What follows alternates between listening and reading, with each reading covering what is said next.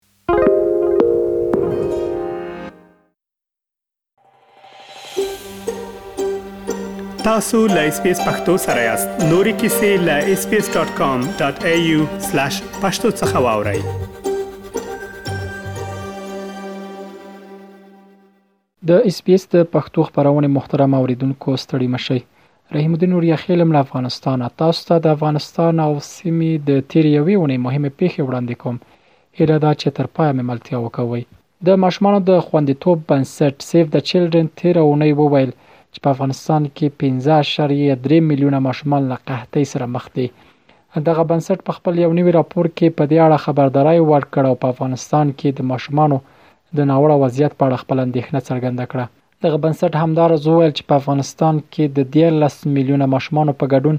نږدې پنځه ویشت میلیونه تنه بشردوستانه مرستو ته اړتیا لري. د دغه بنسټ د شمېرو له مخې درې اعشاریه نهه میلیونه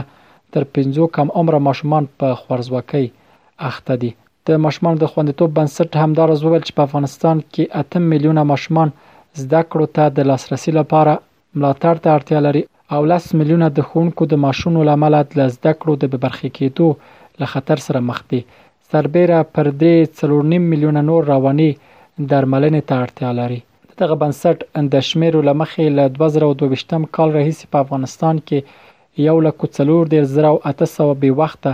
زېږونونه ثبت شوي چې له ډلې یې کابو دیارلس زره او اووه سوه نوي زېږېدلي ماشومان مړه شوي دي. د دې ترڅنګ د یونسیف یو چارواکي هم ویلي چې افغان ماشومان له بې سابقې بشري ناورین سره مخ دي.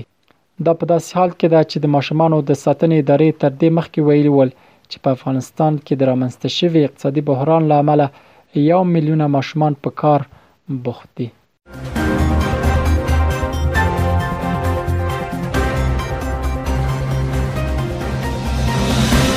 نړیوال بانک په افغانستان کې په خپل دریو پروژو چې په صحت، کرنې او معیشت تمرکز کوي کار به پیل کړي. د دغو دریو پروژو مجموعي ارزښت 450 میلیونه ډالر ده. ویل کیږي نړیوال بانک دغه پریکړه په افغانستان کې اقتصادي کړکیچ او د انرژۍ او خوراکي توکو لوړ قیمت ته په کتو کړې خو رویټرز د دغو سرچینو پر حواله راپور ورکړی چې نړیوال بانک به د تعلیم پر پروژې کار چې ارزښت یې 150 میلیونه ډالر کیږي وځنډوي دغه بانک په وروستیو کې د طالبان له لوري د شپږم ټولګي پورته ښوونځیو ته د نجونو د نه پرېښودلو په غبرګون کې په څلورو پروژو کار بند کړ. البته د دغو پروژو ټولیز ارزښت شپږ سوه میلیونه ډالره دی. د پېښو نړیوال بانک، IMF، نړیوال بانک او د امریکا د مالیې وزارت د دوشنبې په ورځ ناوخته وویل چې ټاکل شوې ده د افغانستان د بیارغونې صندوق او نور تمویل کوونکي راتلونکې جمعه د افغانستان د اقتصادي وضعیت او خوراکي توکو د مصونیت په برخه کې په ستونزو خبرې وکړي. ویل کیږي په دې غونډه کې به د نړیوال وجهي صندوق، اسلامي پراختیایي بانک او په افغانستان کې د ملګرو ملتونو د سیاسي دفتر یا یونما استازي هم ګډون وکړي. دا په داسې حال کې ده چې د دوه زره او یوویشتم کال د اګست میاشت کې واک ته د طالبانو له رسیدو وروسته او د نړیوالو مرستو په بندیدو سره د افغانستان اقتصاد د سقوط څنډې ته رسیدلی دی.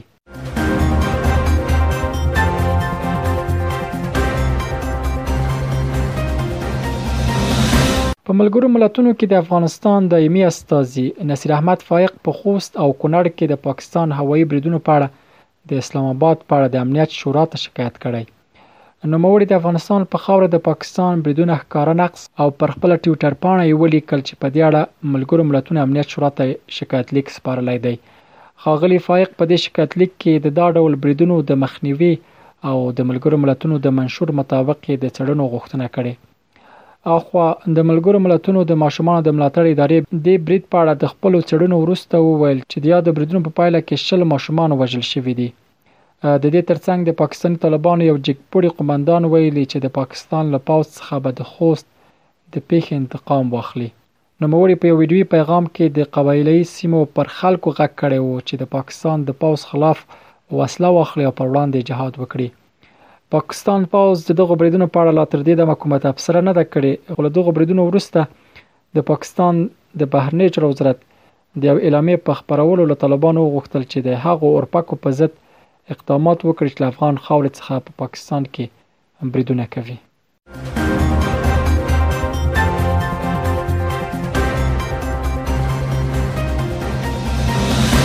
وسلوال طالبانو تیر اونۍ د لومړي ځل لپاره واک ته د یاد ډلې تر رسیدو وروسته په پلازمینه کابل کې د یو شمېر کسانو له مجازات کولو سره د شرعي حدودو د تطبیق لړۍ پیل کړه د طالبانو د سترې محکمې یو چارواکي عبدالبشیر مشعل وویل چې دا کسان د تېرې اونۍ د چهار شنبې په ورځ کابل ښار کې مجازات شوي دي. د دغو کسانو شمېر چې اووه تنه ښودل شوی، د موټرونو د غلا او د شرابو د خرڅلاو او څښلو په ګډون په مختلفو جرمونو تورن پېژندل شوي ول، چې د دروغ په وهلو محکوم شوي، یادې محکمې همداراز پنځه نور کسان په شپږ میاشتني زندان محکوم کړي دي. د راپورونو له مخې، طالب جنګیالیو له پخوا څخه تر اوسه پورې خلک د محکمې د حکم پرته محکوم او په درو وهلي دي. له دې مخکې د طالبانو د ډلې یو بنسټ ایښودونکي او د یادې ډلې د پخواني رژیم د عدلیې وزیر ملا نورالدین ترابي ویلي ول چې یاده ډله به هغه سخت قوانین بیا عملي کړي چې د یو زرو نهه سوه او شپږ نوي تر دوه زره او یو کال پورې عملي کېدل. طالبانو له دې مخکې په علني ډول د مرګ، د لاسونو د پرې کولو او د سنګسار مجازات تطبیق کړي دي. خو دا معلومه نه ده چې دوی به دا ځل دغسې کړنې په عام محضر کې او که په بله بڼه ترسره کړي. دا په داسې حال کې ده چې طالبانو پر افغانستان له دویم ځل واکمنۍ وروسته ژمنه کړې وه چې د خپلې لومړۍ دورې واکمنۍ په نسبت به له خلکو سره نرم چلند کوي خو د وروستیو راپورونو پر اساس دې ډلې حتی د دولت مامورینو ته ویلي دي چې د خولیو او د ږیرې له پرېښېدلو پرته دفترونو ته تللی نه شي.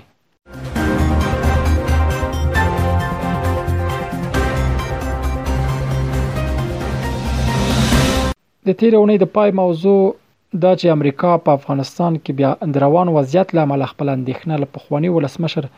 حامد کرزي سره شریکه کړه. د افغانستان لپاره د امریکا ځانګړي استازي ټام ویسټ تیره اونۍ د پنجشنبې په ورځ په یو لړ ټویټ پیغامونو کې وویل چې له پخواني ولسمشر حامد کرزي سره یې ټلیفوني خبرې وکړې او په دې خبرو کې د افغانستان پر روان وضعیت، وروستیو ترهګریزو بریدونو او د نجونو پر زده کړو بحث